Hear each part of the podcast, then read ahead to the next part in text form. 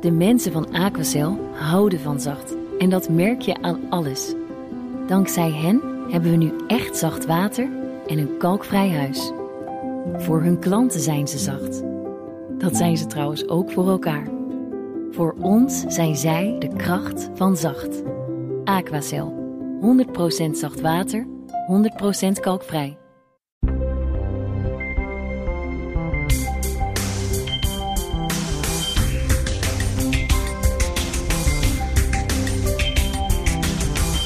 Als een advocaat het woord neemt in de rechtszaal, dan moet alles samenkomen. Vakkennis, voorbereiding, focus. En taal is daarbij een belangrijk instrument, want er is geen herkansing. Het gaat om de juiste woorden op het juiste moment en dan ook nog in de juiste toon. Je luistert naar de twaalfde editie van Woordwaarde. Ik ben Maria Punch en mijn gast is Natasja Harleken, strafrechtadvocaat en medeoprichter van het advocatenkantoor Takema Harleken. En vorig jaar uitgeroepen tot Legal Woman of the Year. Welkom, Natasja. Ja, dank, dank, dank. Heel leuk hier te zijn. Ja, um, op jouw website van jouw kantoor wordt jij omschreven als een procesleeuwin. Uh, die voor geen tijger opzij gaat. Nou, het ja. zijn woorden die meteen tot de verbeelding spreken. um, voelt dat ook zo? Het, het nou, ja, vechten, ik moest... het knokken, de leeuwin ja. die pal staat voor een cliënt. Ja, en ik moet zeggen, dat is ook echt de enige reden dat die zin er nog staat. Want ik heb meermalen gedacht, nou, en nu laat ik hem weghalen. Maar andere zeiden, en, en, en, en mensen op kantoor werken, zeiden van nee, ja, het, het klopt toch wel echt. Jij bent dan echt helemaal in een vechtmodus de hele week naar. Ja, het hele kantoor staat dan in het teken van uh, bijvoorbeeld uh, de, laatste, de laatste zittingsdag. Ja, dan is het echt uh, ploeteren en, en gaan. En ook willen gaan. En is die, uh, die leeuwin, wordt die wakker op het moment dat, dat je de toga aantrekt? Of is die eigenlijk altijd Nee, die is er, die is in jou? Al, ja, die is er altijd. En wat ik echt ja, heel knap vind van mezelf... Ja.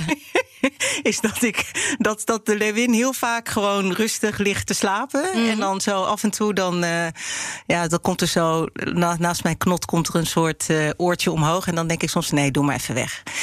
Oftewel pick your fight. Choose your battles. Ja. Niet de hele tijd. Dat kan nee. niet. Nee. Um, jij staat mensen bij in complexe strafzaken. Ja. Um, bijvoorbeeld een van de 17 verdachten in het Marengo-proces. Um, sommige cliënten worden verdacht van moord of doodslag. Je koos bewust voor het uh, strafrecht. maar ik vraag me wel af hoe zo'n specialisatie dan ontstaat. Ja, bij mij was het echt zo dat ik van ja, vanaf mijn elfde wilde ik echt strafpleiter worden. Uh, specifiek ook dat specialisme. En vervolgens ben ik ook, nou, toen ging ik ging studeren. Toen heb ik meteen al in mijn eerste jaar een gesprek aangevraagd met mijn studiebegeleider. Ik zei, nou, ik wil dit. En wel nu. Kunnen we vanaf nu al een pakket samenstellen? Die meneer zat mij aan te kijken. Zegt hij, ja, maar dat is niet hoe het hoe het gaat. We doen eerst iets in zijn algemeenheid. En toen zei ik van nou, ik heb geen zin in iets in zijn algemeenheid. Ik wil graag een, een, een, iets samenstellen. U bent de studiebegeleider, daar bent u voor volgens mij. Dus laten we, kom, laten we een leuk pakket samenstellen. Ja. Al vanaf het begin. Dus dat eerste jaar was wel gewoon natuurlijk uh, um, nou, propenduisjaar zoals iedereen dat had. En vanaf ja. het tweede jaar heb ik specifieke vakken toen al erbij genomen, zoals criminologie, pedagogiek, psychologie. Dus al dat soort vakken, filosofie, die kwamen erbij voor mij al in dat uh, stadium. Dus heel doelgericht, waarbij die arme man me steeds aankeek en liet weten: ja, maar Natasja, als je niet wordt aangenomen, waar ben je dan met dit pakket? Want je kiest, weet je, hou je opties open. Doe ook wat fiscaal recht. Doe ook uh, arbeidsrecht. Ik zeg, ja, maar daar vind ik niks aan. Daar ligt mijn hart gewoon niet. Dus ik heb een risico genomen en uh, ik ben daar heel blij. Ja, want die studiebegeleider zei ja, als je niet wordt aangenomen, bedoelde ja. hij van dat je niet een plek kan bemachtigen exact. bij een exact, kantoor. In die, ja, in die tijd waren er, er waren wel strafrechtkantoren, maar die, die, de, ja, die, die waren beperkt. Dan ook het aantal mensen op de kantoren, ja, dat, dat, klein, civiele kantoren. Ja, die hebben veel meer, veel meer secties. Mm -hmm. Je hebt arbeidsrecht, je hebt ondernemingsrecht, je hebt uh, energierecht, nou, enzovoort, enzovoort. Ja, dat heb je in het strafrecht niet. Dus vaak zijn het kleine kantoren die dan ook uh, zo was het toen, nu is het allemaal weer anders, maar ook de hele opleiding voor een, uh, een, een, een, nieuw iemand moeten betalen. Dus je neemt om de zoveel jaar neem je iemand aan.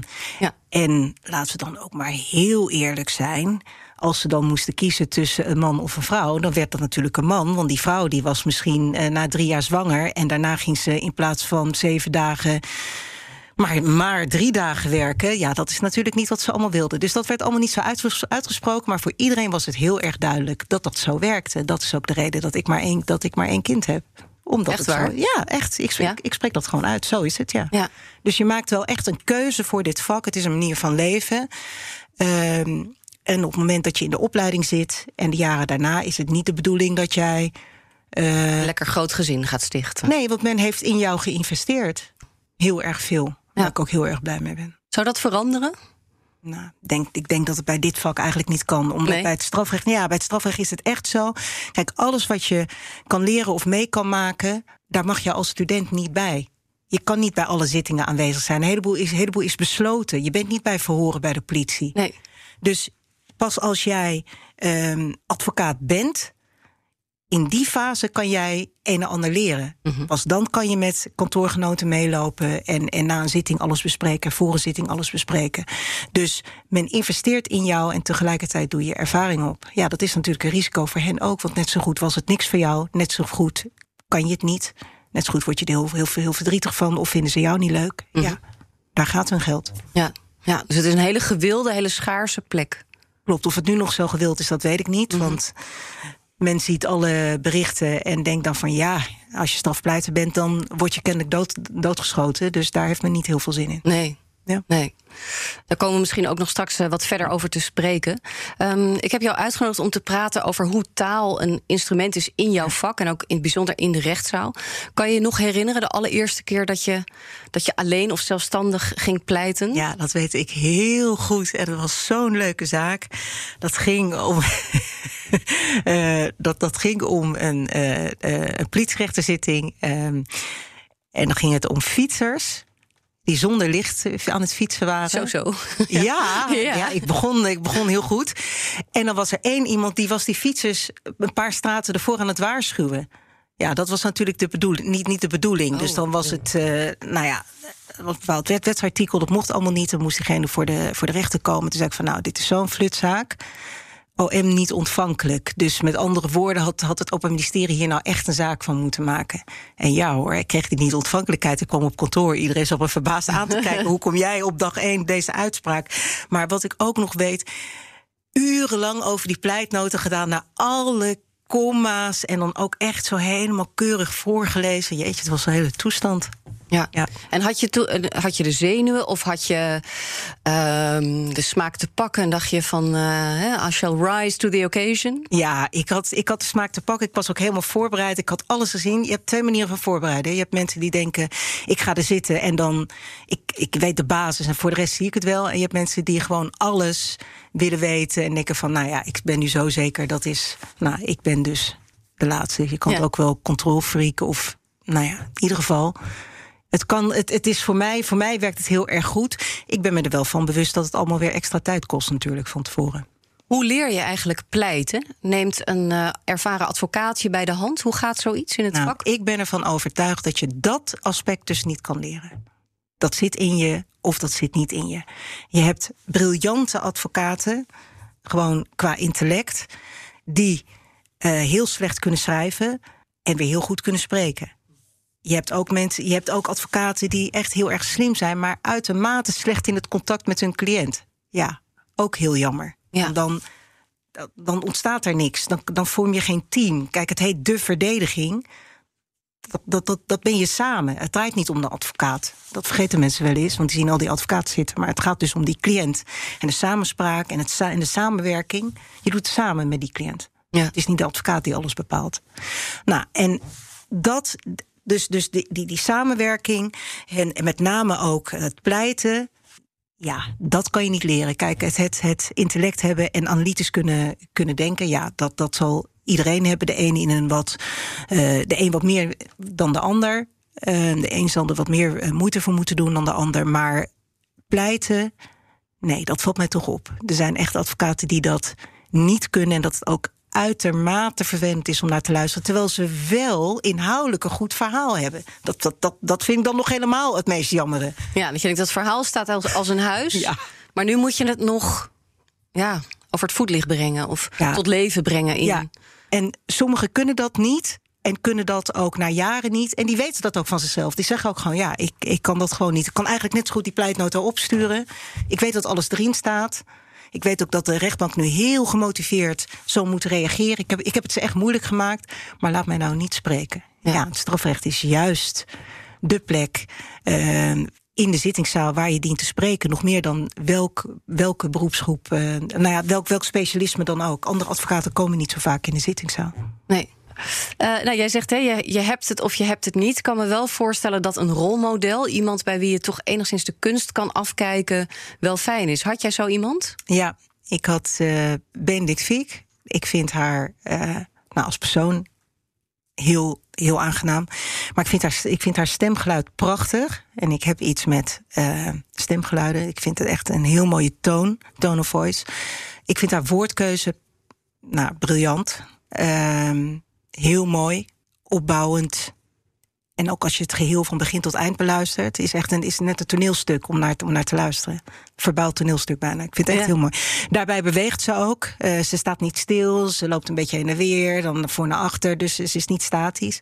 Een andere persoon van wie ik echt wel geleerd heb hoe het is om gewoon te praten in de zittingszaal is Piet Doedens. Ik heb na mijn tijd in Amsterdam bij Piet Doenens gewerkt, omdat ik echt de, de, de, de georganiseerde criminaliteit en, en moord en doodslag en vooral de complexe moordzaken, daar wilde ik iets van leren. Hoe zit het met DNA, hoe zit het met sporen? Nou, hij had alleen maar dat soort zaken, dus ik heb heel veel van hem geleerd. Ook bijvoorbeeld getuigenverhoor. En wat hij bijvoorbeeld zei, als je met iemand spreekt, je kan een getuigenverhoor zien als een als een riedel die je afdraait en daar krijg je wel of geen antwoord op. En daar zit dan een boze meneer of boze mevrouw die geen zin heeft in die vervelende advocaat. Je kan ook het presenteren als ik ga een gesprek met jou aan. En dan sta je dus niet achter die persoon in de zittingszaal, want zo is het opgesteld, hebben wij niet bedacht. Maar je loopt gewoon om. En je, gaat, en je staat dus dan. Uh, niet met je rug gekeerd natuurlijk naar de rechters, maar je staat met een, met een open vizier richting uh, de getuigen, zodat de getuige jouw gezicht kan zien en andersom. Je noemde Benedicte Fiek. Um, ik heb een fragment ook voor luisteraars die die naam ongetwijfeld kennen. Maar denken, oh ja, hoe klonk zij ook alweer? En dit is uit 2014. Het is niet in de rechtszaal, maar net erbuiten. Zij heeft dan uh, het vonnis te horen gekregen in een zaak. Uh, zij verdedigt bokser Badr Hari. Ja. En hij wordt in 2014 veroordeeld voor mishandeling. En dan staat ze de pers te woord. We gaan uiteraard alles uh, uitgebreid bespreken met elkaar. Dat zal volgende week worden. Het is vrijdag vandaag. En uh, dan gaan we volgende week een beslissing nemen. Maar wat we doen. tegen? Um, ja en nee.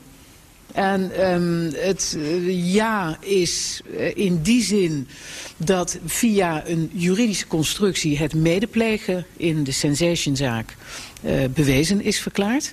En dat betekent dat je dan dus niet hoeft vast te stellen wie wat heeft gedaan.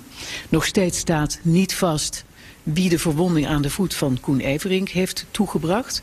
Dat is door een juridische constructie, um, kan dat uh, terzijde worden geschoven. Hoeft dat niet vastgesteld te worden wie dat heeft gedaan.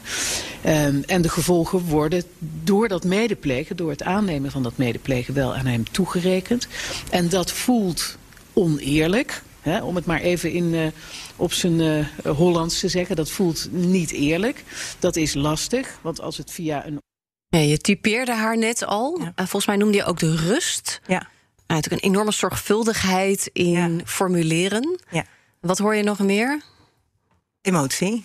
Ze, ja. ze, ze, ze baalt gewoon als een stekker hier. Dat is helemaal duidelijk. Um, en wat ik goed vind van haar is dat ze een combinatie heeft van het juridische woord benoemen, daarna een uitleg geven en daarna nog die uitleg te versimpelen. Dus met andere woorden, ze wil dat, dat het publiek haar begrijpt. En dat is heel belangrijk, want op het moment dat jij buiten die zittingszaal staat, dan kan je wel daar een heel juridisch verhaal ophangen, maar niemand begrijpt dat. Nee. En het is ook niet zo dat ze bijvoorbeeld, wat ze hier had, ook had kunnen doen, is dat ze het woord medeplegen weglaat. Maar zij denkt, uiteraard, ik kom net de zittingszaal uit, ik ben advocaat. En om dat juridische woord ging het, dat ja. was de kern, wat haar betrof. En dat noemt ze dan ook. En vervolgens maakt ze uitleg, ik noem het uitlegstappen. Ja, ja vind, ik, vind ik heel mooi. Ja. Um, misschien zou je ons eens willen meenemen in uh, wat het geraamte eigenlijk is van een, um, van een pleidooi. Uh, ik zou denken als leek, je begint altijd bij de juridische argumenten. Is dat zo? Nee, je begint te benoemen wat je wilt. En dat, Ah. is, dat is echt heel, heel anders. Dus eh, tijdens de opleiding krijgen wij, eh, of kreeg je les in de, ja, ze noemen het de katmethode. Dus dan heb je gewoon echt simpel zoals een kind een kat tekent. Oortjes, hoofd, rompje, staart. Mhm. En dan de oortjes zijn dan de inleiding, de feiten. Dan begeleid je hem uit. Daarna, dat is die staart. Maar je begint dus bij die staart. Je zegt wat je uiteindelijk wil. Want de rechter wil gewoon weten, wat wil je? Nou, dan zeg je, nou, de achtbare leven van de rechtbank... ik wil graag dat mijn cliënt wordt vrijgesproken... omdat, neem nou bijvoorbeeld dat voorbeeld van eh Benedict... medepleger niet kan worden bewezen... niet kan worden vastgesteld wie dat letsel aan eh, eh, deze meneer heeft toegebracht. Integrale vrijspraak. En ik verzoek u dan ook om vandaag daar uitspraak over te doen.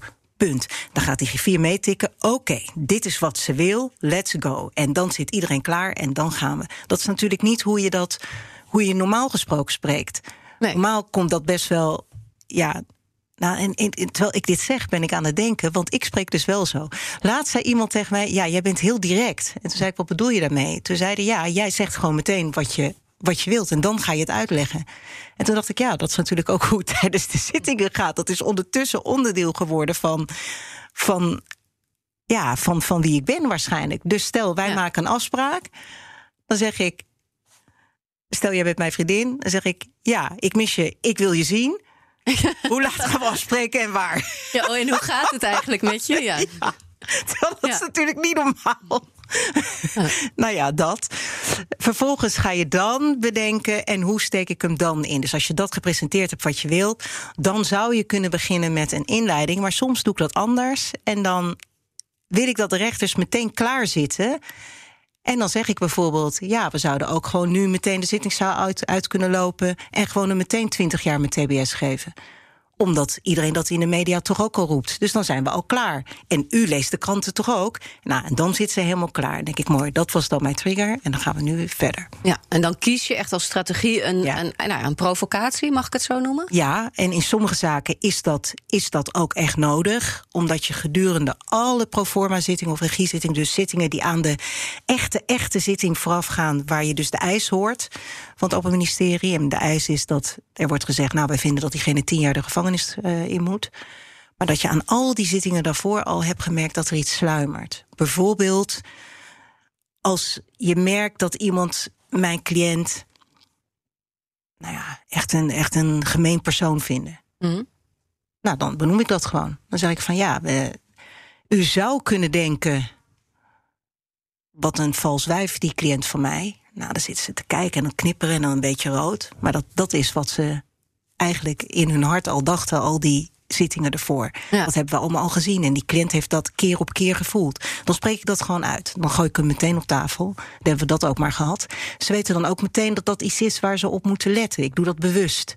Dus waarom zeg ik dan zoiets? Omdat ik dan eh, verwacht dat ze in hun vraagstelling en de bejeging van mijn cliënt. dat ze die cliënt anders benaderen. Niet zoals ze dat de keren ervoor gedaan hebben. Aha. En het voorbeeld wat ik nu geef is een voorbeeld in een zaak van een cliënte, een vrouw, Mhm. waarbij de rechters haar toch wel zaten aan te kijken van, nou, we vinden jou toch eigenlijk wel een kattenkop, denken we, of ben je dat eigenlijk niet? Hoe moeten we jou nou zien met je stalen gezicht? Ja. Dat. Ehm, misschien is het ook goed om erbij te vertellen dat je nu eh, soms in wat bedekte termen over een zaak praat. ja. Eh, omdat dat nou eenmaal niet anders kan. eh, in verband met vertrouwelijkheid enzovoorts. En de voorbeelden die ik aanhad, dat zijn al echt al oude zaken, langer dan, nou, zeker langer dan zeven jaar geleden. Dus, Ja. En dan nog. En dan nog. Ja. Moet een cliënt alles begrijpen wat jij in de rechtszaal zegt? Absoluut. Absoluut. Als ik. ehm, het, de- het is de zaak van die cliënt. Het draait om die cliënt. Ik vertegenwoordig die cliënt. Dan is de kern dat die cliënt het dossier van voor naar achter moet kennen. En het is mijn taak om daarvoor zorg te dragen. Dus dat betekent dat ik bij de ene cliënt voor 100 pagina's twee keer langs moet, voor de andere tien keer. Betekent dat ik altijd als ik daarmee geweest vraag of die cliënt mij heeft begrepen. Ik laat, en dan zegt ze, zeggen ze natuurlijk ja. Ik zeg, nou vertel dan wat ik gezegd heb. En dan beginnen ze te lachen. Ik zeg, nou kom dan, vert- ver- vertel. En dan gaan ze dat in hun woorden opnieuw vertellen. En dan hoor ik ook meteen wat hun woordkeuze is. Dan zie ik ook meteen qua juridische elementen wat ze eigenlijk niet begrepen hebben. Dus het helpt mij weer in de voorbereiding van de zaak en het um, voortzetten van de verdediging van deze cliënt. Dus het is heel belangrijk dat je. Je, moet het, je kan het als volgt vergelijken. Soms als mensen. Nou, ik weet nog dat toen mijn, mijn moeder is overleden. Ik, en dan gingen we naar de arts. En die had kanker en die had dan een heel ingewikkeld verhaal over of de chemo wel of niet was aangeslagen. En dan zeiden ze altijd van ja, maar het is omdat jij zo geëmotioneerd bent, mijn moeder dus, is het, is het belangrijk dat er iemand naast komt te zitten. Dat die misschien even meeschrijft. Zodat als je later vragen hebt, dat, ja. dat je daar opnieuw naar kan kijken. En zo is dit nu eigenlijk ook. Dus als mhm. een cliënt dat dossier doorneemt, kan het zijn dat bij elke alinea dat hij leest... ja, maar dat is helemaal niet zo, hoe kan dat... Nou, en allemaal emoties. Ja. En is het dus aan mij om daar rustig naast te zitten... diegene rustig te, te begeleiden daarin. Dat rustig, als het ware, ernaast te zitten met dat klot, klotblokje. Ik ben voor de steun en begeleiding... en de begeleiding door het proces. Ja. Uh, betekent het dat je daarom probeert zo min mogelijk juridische taal te gebruiken? Uh, nee, ik leg dat wel allemaal uit, omdat ik weet dat rechters hun best doen om, om juridische termen, uh, nou, zo min mogelijk juridische termen te gebruiken. Maar dat kan natuurlijk niet altijd. En ik wil dan niet dat die cliënt opeens denkt van, hè, wat is medeplichtigheid? Nee, dat moet die cliënt van mij al eerder hebben gehoord. Uh, en daarbij leg ik dan ook uit wat de kernelementen van medeplichtigheid zijn. Wanneer wordt medeplichtigheid aangenomen? Wanneer kan dat bewezen worden verklaard? En dat spits ik dan natuurlijk toe op dat, op dat specifieke geval. Dus dan leg ik ook gewoon uit in voorbeelden. Als jij 15 meter van een bepaald steekincident staat en je hebt niet geholpen, ben je dan betrokken? Ja, nou, laten we bijvoorbeeld George Floyd nemen. Ja? De agent die erbij stond en niet handelde. Ja. Is hij dan betrokken? Hij heeft eigenlijk niks gedaan. Is hij dan betrokken als hij vijf, vijf meter ervan af stond of 15 meter? Had hij moeten bellen? Had hij moeten kijken? Wat had hij moeten doen? Dus zo leg je dat uit aan een cliënt. Ja. Als uh, uh, opsteller, maker van zo'n uh, zo'n pleitnota heb je natuurlijk ook allerlei ehm, ja, retorische middelen tot je beschikking. Tone of voice noemde je al. Dat zit ook in, in natuurlijk in woordkeus, maar ook van hoe spreek je iets uit. Um, heb jij er lol in of, of kies je bewust een, een bepaalde beeldspraak of een metafoor? Omdat je denkt, nu heb, ik, heb ik beet of nu is het raak. Ja, ik. Ehm, Bijvoorbeeld soms kan ik in een, in een pleitnota um, zeggen sterker nog. Dan zie je de rechters kijken. Wat ik steeds minder doe en waar ik echt heel erg op let, is niet in herhaling vervallen. Omdat je die rechters dan meteen kwijt bent. Echt meteen. Terwijl dat soms kan het niet anders. Moet je een bepaald gedeelte herhalen. En dan zeg ik dat ook. Ik zeg ja, kan niet anders hè, dan dat ik het haal. Op dit moment. Nou, daar gaan we dan. Dus dan maak je er iets luchtigers van en denk je: oké, oké, gaan we dan. Um, wat ik aangeef in een pleitnota is dat ik soms. Um, nou ja, wat ik net al zei, dat ik een andere volgorde aan kan houden, expres. Mhm. Daar heb ik wel heel erg lol in. Dus dat ik denk van ja, deze, deze verwachten ze gewoon niet. Um, en bijvoorbeeld het opsommen van allerlei andere zaken waarin de uitspraak zus of zo was, de jurisprudentie. Mhm. Eh, en de rechtbank in Amsterdam heeft dat en dat gezegd in een soortgelijke zaak. En in Rotterdam hebben ze dat en dat gezegd in een soortgelijke zaak. Dan weet ik nog dat uh, Piet Doeren zei: Ja, Natasja, dat vinden die rechters helemaal niet interessant. Want die denken: ik ben advocaat, ik ben de rechter in Den Haag. En met Rotterdam en Amsterdam heb ik niks te maken. Oh ja. Wat natuurlijk niet zo is. Maar zo denken ze op dat moment. Dus je moet een voorbeeld geven. Je moet ze aan het twijfelen brengen. En dat doe ik dan ook. Dus als het bijvoorbeeld gaat over DNA-bewijs, waarbij dat niet sluitend is, dan zeg ik ook: ik zeg ja, dan gaat u zo meteen naar achter. En en dan verwacht ik van u dat u vooral over dat punt tot overeenstemming komt. En als u ook maar denkt van ja, daar twijfel ik.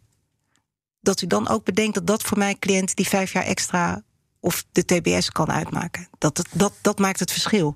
Dus je geeft ze gewoon echt een opdracht mee. Dat als je ze twijfelend laat vergaderen, want raadkameren dat is vergaderen over, over jouw verzoek, ja, dan is het, dan is het vaak, vaak goed. Ja.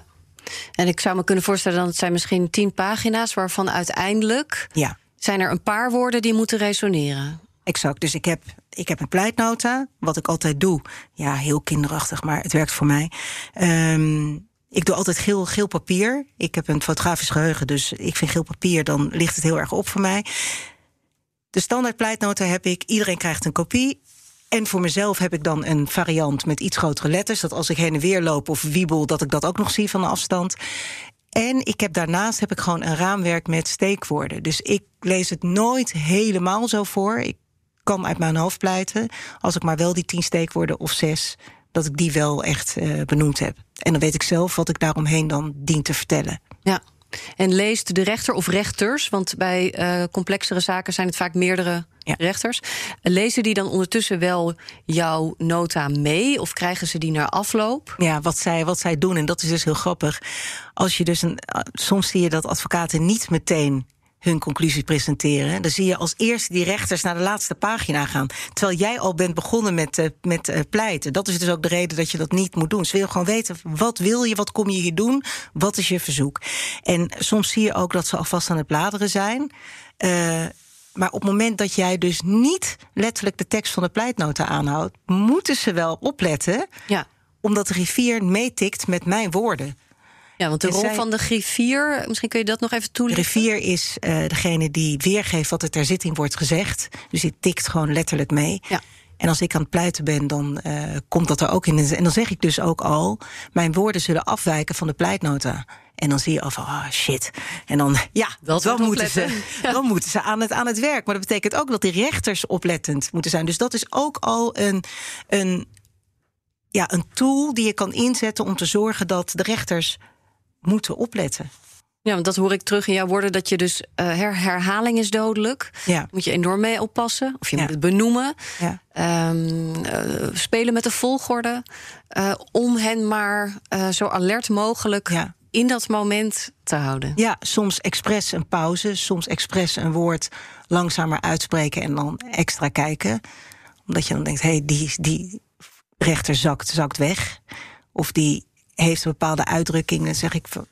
En soms onderbreek ik ook gewoon een, pleidooi. Dan zeg ik: U wilt iets zeggen, u wilt iets vragen. Nee, waarom denkt u zo? Nou, ik keek op een bepaalde manier. Nee, nee, nee. Of, of het kan zijn. Ja, ja, goed dat u dat opmerkt, dan gaan we door. Dus dat is ook iets dat je niet daar als een soort papegaai alleen maar integraal die pleitnoten moet voorlezen. Maar je bent aan het communiceren. Je bent eigenlijk in gesprek. Zo, zo zie ik het. Dus eigenlijk wat Doedens zei. Je bent in gesprek al daar in die zittingszaal. Ja. En geeft een rechter veel terug? Of zijn, zijn zij Steeds daar... meer, merk ik. Ja? Steeds meer. Toen ik begon was het wel echt allemaal heel statisch. Dan denk ik, ja, je had, je had net drie zuilen kunnen neerzetten, dan wel één. Ja, echt. En dan denk ik, ja, ik kan net zo goed tegen een lantaarnpaal aan uh, praten... want uh, er komt niks terug. En dan een lief uh, glim, glimlachje met nul mimiek. denk ik, ja, geen flauw idee wat ik hiermee moet. Maar die cliënt begreep ook niet wat hij dan daarmee moest. En nu zie je dat er steeds meer wordt gereageerd. Uh, binnen de mogelijkheden die ze hebben natuurlijk. Want ze kunnen niet alles tonen. Ze kunnen niet alle emoties tonen. Nee. Uh, strafpleiter Nico Meijering die heeft iets interessants gezegd, uh, ook over emoties in de rechtszaal. Um, hij is een collega van Benedicte Fiek. Ja, en ik, ken, en hun, ik ken hem ook. Ja, hun kantoor is gevolgd in de serie De Verdediging. En daar komt uh, dit fragment uit. Op welke momenten bijvoorbeeld raak je emotioneel of zo? Nee, gewoon bij onrecht. Ja. Dus op het moment dat je, dat je ziet dat, uh, dat je klant onrecht wordt aangedaan... Uh, dat het proces niet eerlijk plaatsvindt. Het is nou niet zo dat ik uh, in mijn hele leven alleen maar mensen bijgestaan die allemaal schuldig zijn. Maar wat wel zo is, is dat vaak mensen in de rechtszaal schuldiger worden voorgesteld dan ze zijn. Het Openbaar Ministerie doet er vaak een stevige dot beschuldigingen bovenop. Nou, als je dan ook nog een oneerlijk proces krijgt, dan is het eigenlijk helemaal niet gek dat je als verdachte emoties hebt. Dus eigenlijk ben ik voor veel meer emotie. Maar het grote probleem in Nederland is dat als je emoties laat zien, dan word je niet meer serieus genomen. Dan is van, ah, kijk, hij is te. Hij is te betrokken. Ja, ja, oké. Okay. Weet je wel? Dus in die zin moet je dat dus eigenlijk wel uitschakelen. Want anders word je niet serieus genomen. En je moet natuurlijk wel die rechter bereiken. Ja, herken je dit of ben je het met hem eens? Ik herken dit uh, volkomen. Klopt wat hij zegt. En ik ben het met hem eens in die zin dat um, ik daarover nagedacht heb. En dat ik tijdens de zitting, ja, gewoon het gewoon zeggen zoals het is. En als ik boos ben, dan ben ik, dan ben ik gewoon, gewoon boos. En dan is het maar jammer dan op dat moment. Natuurlijk wel als op het moment dat ik dat echt voel. Op het moment dat ik denk van ja, het is een beetje onterecht. Dan hou ik dat in stand. Maar op het moment dat ik echt vind dat echt iets onterecht is dan als je mij vijf jaar geleden was tegengekomen... dan had ik het op dat moment nog met een stalen gezicht kunnen zeggen. Mhm.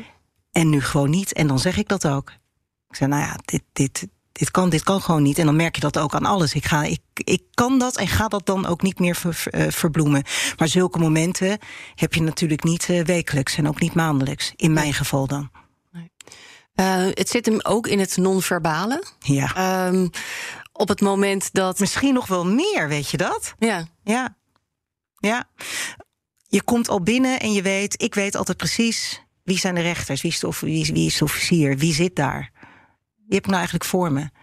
Dan vervolgens wordt er soms meer uitdrukking gegeven uh, in de zin van uh, trekken met het gezicht, de lichaamshouding, uh, een actieve houding aannemen of juist niet langs je kijken op de klok achter je. Dat vind ik zo irritant. Um, en wat gebeurt er dan non-verbaal bij jou? Dan, nou, dan zegt de rechter eigenlijk non-verbaal tegen je: hou je mond dicht, want we lopen uit. Wat misschien niet eens door mij kan komen.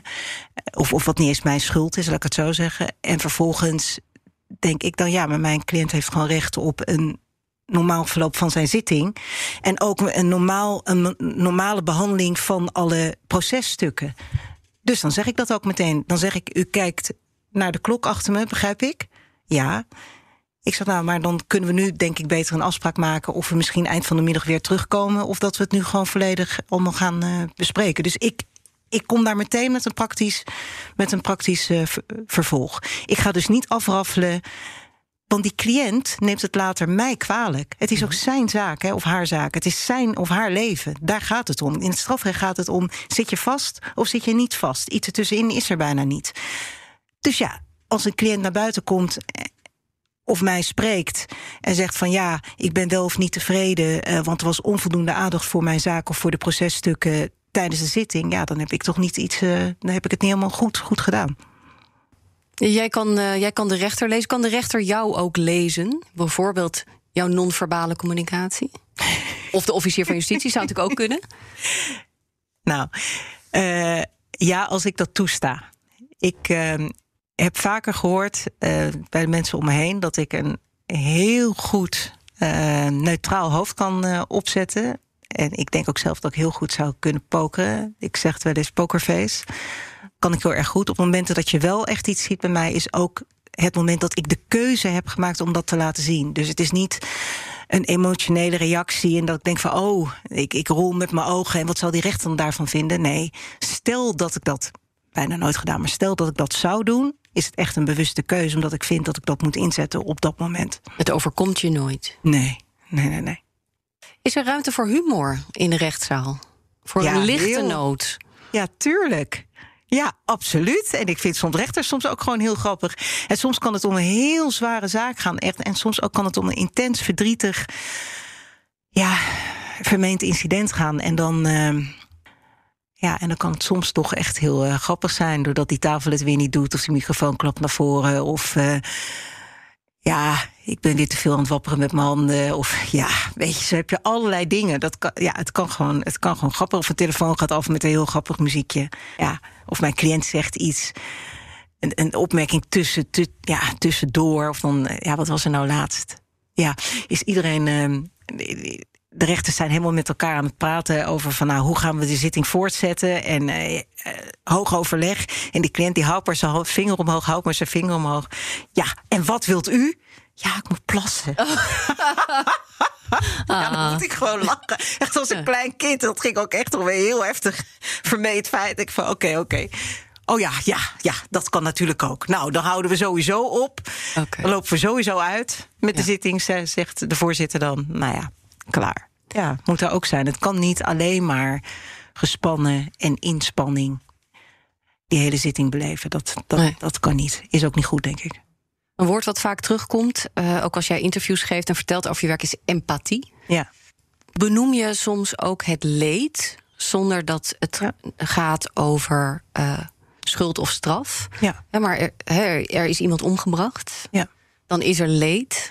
Uh, Benoem je dat? Absoluut. Absoluut. Want dat is natuurlijk waar het voor de nabestaanden om, om gaat. Het feit dat jij uh, bepaalde foto's hebt gezien. Het feit dat jij misschien je kind hebt gevonden dat daar lag in een veld. En dat beeld, dat gaat nooit meer. Dat, dat is, is als een footprint in je brein. En sommige beelden hebben we allemaal gezien. Um, hoe een lichaam is aangetroffen. En dan kan je soms zeggen: Ik wil graag wijzen op die foto, die eerste foto die we allemaal hebben ontvangen. Ja, een heel verdrietig beeld. En toch moeten we nu het hebben over de juridische feiten. En weet iedereen waar we het over hebben. Iedereen heeft, heeft die foto op zijn, zijn of haar net, netvlies. Of, absoluut, benoem ik dat. Het zou, het, het, je, je, je kan daar ook, ook niet omheen, vind ik. Nee. Het zou ook wel raar zijn om daar omheen te gaan. Dan is iemand overleden en dan doe jij net alsof het om de kat van de buren gaat. Ja, dat kan natuurlijk niet. En dat is wel wat mij opvalt.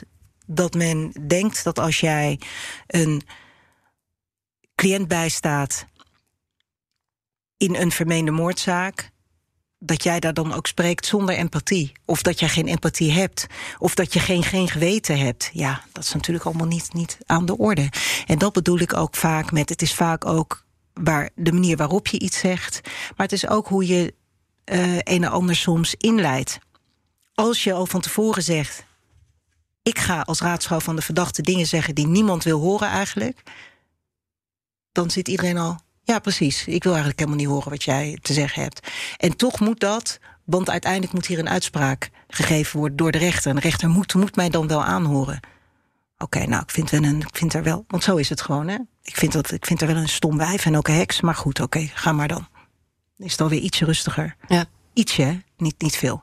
Maar ja, ik benoem dat. Ik, ik benoem dat wel. Want die gevoelens spelen er. Um, en steeds meer speelt dat dat je of wordt uitgescholden, of dat naar je wordt gewezen, of dat er van die bewegingen over de keel worden gemaakt met, met, met. Ja, dat, dat, dat speelt er allemaal. In de rechtszaal. Ja, in de rechtszaal. En dan moet jij daarna, dan moet jij daarna pleiten. Dus um, je schakelt je emoties uit en ondertussen vang je ook van, van alles op. En um, men denkt zich ook steeds meer te kunnen permitteren in een zittingszaal en, en daarbuiten. En jij moet dan ja, je dat woord nog van vroeger? Uh, uh, van meneer Cactus, boelkloedig. Ja, ja. nou, dat, dat moet je dus uh, zijn en blijven. Maar soms benoem ik het wel. Ik denk, ja, ehm, vind, ik, vind ik dat nou normaal dat dat gebeurt? En daarna wordt er van jou verwacht dat, dat op het moment dat zo'n beweging gemaakt is... of, of een middelvinger of uitschelden dan kan de rechter gewoon daar een opmerking over maken. Dan zegt hij, mevrouw Harleke, uw uh, verzoeken, de verzoeken van de verdediging zijn... En dan wordt van jou gewoon verwacht dat je meteen schakelt... meteen aangeeft wat je wilt. En dat kan ik dan ook. En dat je dat kan, dat is ook weer zoiets... Betekent dan dat je geen geweten hebt? Betekent dat je geen empathie hebt voor alles en iedereen? Nee, helemaal niet. Maar dat is wel wat er van mij wordt verwacht. Als je dat niet kan, moet je geen strafpleiter zijn. En wanneer blaas je uit? Adem je uit? Uh, een rit in de auto is voor mij heel erg goed. Ben ik alleen, muziek aan. En dan denk ik, weet je, dan soms beleef je een zitting. En denk je, oh ja, dat had ik nog kunnen zeggen. Weet je, de beste pleitnoot heb ik dan op de weg, eh, gaat door mijn helft op de weg terug.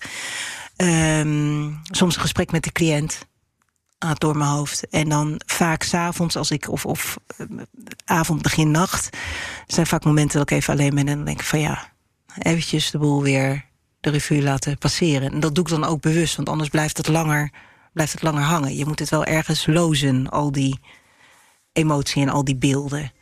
Natasja Harleken, dank je wel voor dit gesprek... dat je met mij over je vak wilde praten. Dank je wel. Dankjewel dat jij hebt geluisterd. Woordwaarde bestaat precies één jaar. Mijn doel was om in ieder geval twaalf afleveringen te maken. Dat is gelukt. En ik heb de smaak te pakken en ik ga nog even door. Dus nieuwe en eerdere afleveringen... die vind je in de BNR-app of gewoon in je favoriete podcastplayer. Tot de volgende.